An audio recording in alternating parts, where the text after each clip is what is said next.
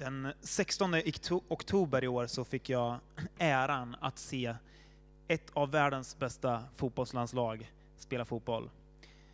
Jag kommer ihåg att jag satt där och jag förundrades över hur spelare som oftast inte tränar med varandra kunde hitta varandra så bra. 1-0 sjunde minuten, 2-0 eh, i 14, 3-0 38, 4-0 i 55.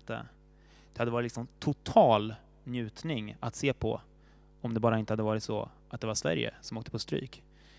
Eh, jag satt faktiskt och tänkte att jag aldrig sett ett landslag spela så här bra som Tyskland gjorde när de spelade ut Sverige i 60 minuter. Somliga stängde ju av i halvtid. Själv känner jag att även om Sverige förlorar så är det inte läge att missa det. Man vill, man vill ändå se. Man vill se och sen så tänker jag att jag kanske är lite van också. Jag hejar ju på ÖSK i Allsvenskan.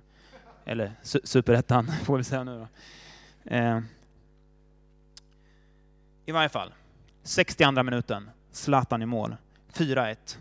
Han springer liksom och hämtar bollen i nätet där, lägger upp den på mitten efteråt, signalerar till alla lagkompisar att det här är inte kört, nu kör vi liksom. Eh, och vilken vändning som kommer sen.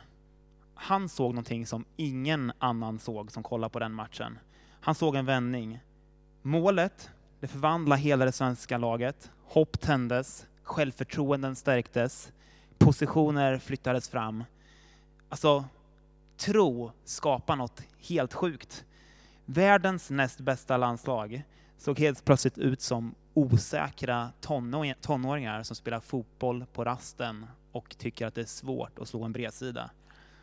Eh, matchen slutade i 4-4 sen och eh, själv känner jag att det svenska språket, det räcker ju knappt till liksom för att beskriva det här. Och det finns bibliska eh, vändningar, liknande stora saker som händer efter Jesu död och uppståndelse och efter att han faktiskt har gått in i himlen så grundades den första församlingen kring människorna som hade funnits runt Jesus. Och eh, församlingen växte, människor kom till tro. Men det var också svåra tider för de här, för de var, de var förföljda. Och Stefanus, en av de kristna, han blir den första martyren. Och i samband med hans stening, så att han, han blir stenad alltså, så nämns Saulus för första gången. Och det står så här. Saulus försökte utplåna församlingen. Han gick in i hus efter hus och drog fram både män och kvinnor och lät dem sätta dem i fängelse. Och senare står det att han andades hat och mordlust mot Herrens lärjungar. Och den här Saulus, han är senare han är på väg till Damaskus, Damaskus för att fängsla eh, de kristna där och ta dem till Jerusalem. Och då, plötsligt, händer det. Jag läser från Apostlagärningarna 9, eh, vers 3-5.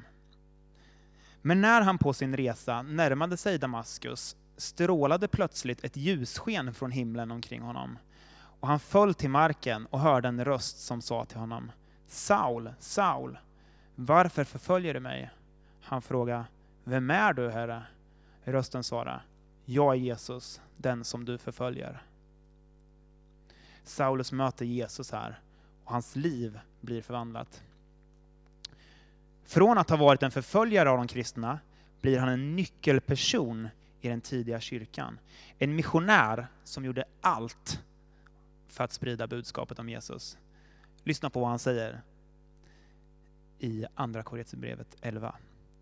Jag har arbetat mer suttit i fängelse mer, fått hugg och slag i överflöd och ofta svävat i livsfara. Av judarna har jag fem gånger fått 40 gisselslag, så när som på ett. Tre gånger har jag blivit piskad med spö. En gång har jag blivit stenad. Tre gånger har jag lidit skeppsbrott.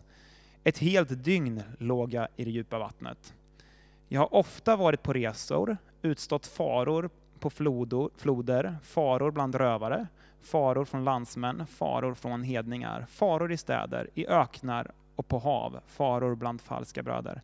Allt under arbete och slit, ofta under vaknätter, under hunger och törst, ofta utan mat, frusen och naken. Så förutom, att, förutom det så har han också dessutom skrivit liksom typ halva nya testamentet, det vi kallar nya testamentet. Men vad, vad var det, varför, varför den här tvärvändningen? Ja, svaret är mötet med Jesus. Mötet på Damaskusvägen. Det här är en ganska drastisk förändring i Paulus liv. Kanske är det inte alltid lika drastiskt. Men ett möte med Jesus, det ger inriktning. Det ger mål, det ger mening. Eh, mötet kan se ut på många olika sätt. Han kan möta oss genom känslor, genom aha-upplevelser, genom naturen som han skapat, eh, genom konst och musik, genom andra människor, i lovsång, i nattvard, i vardagen. Det finns liksom inget slut på listan här. Och jag tror att Jesus längtar efter att få möta dig, oavsett om det är första gången, om du aldrig har mött honom tidigare, eller om det är hundrade gången, eller vilken gång det nu är. Han vill det bästa för dig, vill att vi lever våra liv i relation med honom. Eh, och han är alltid nära.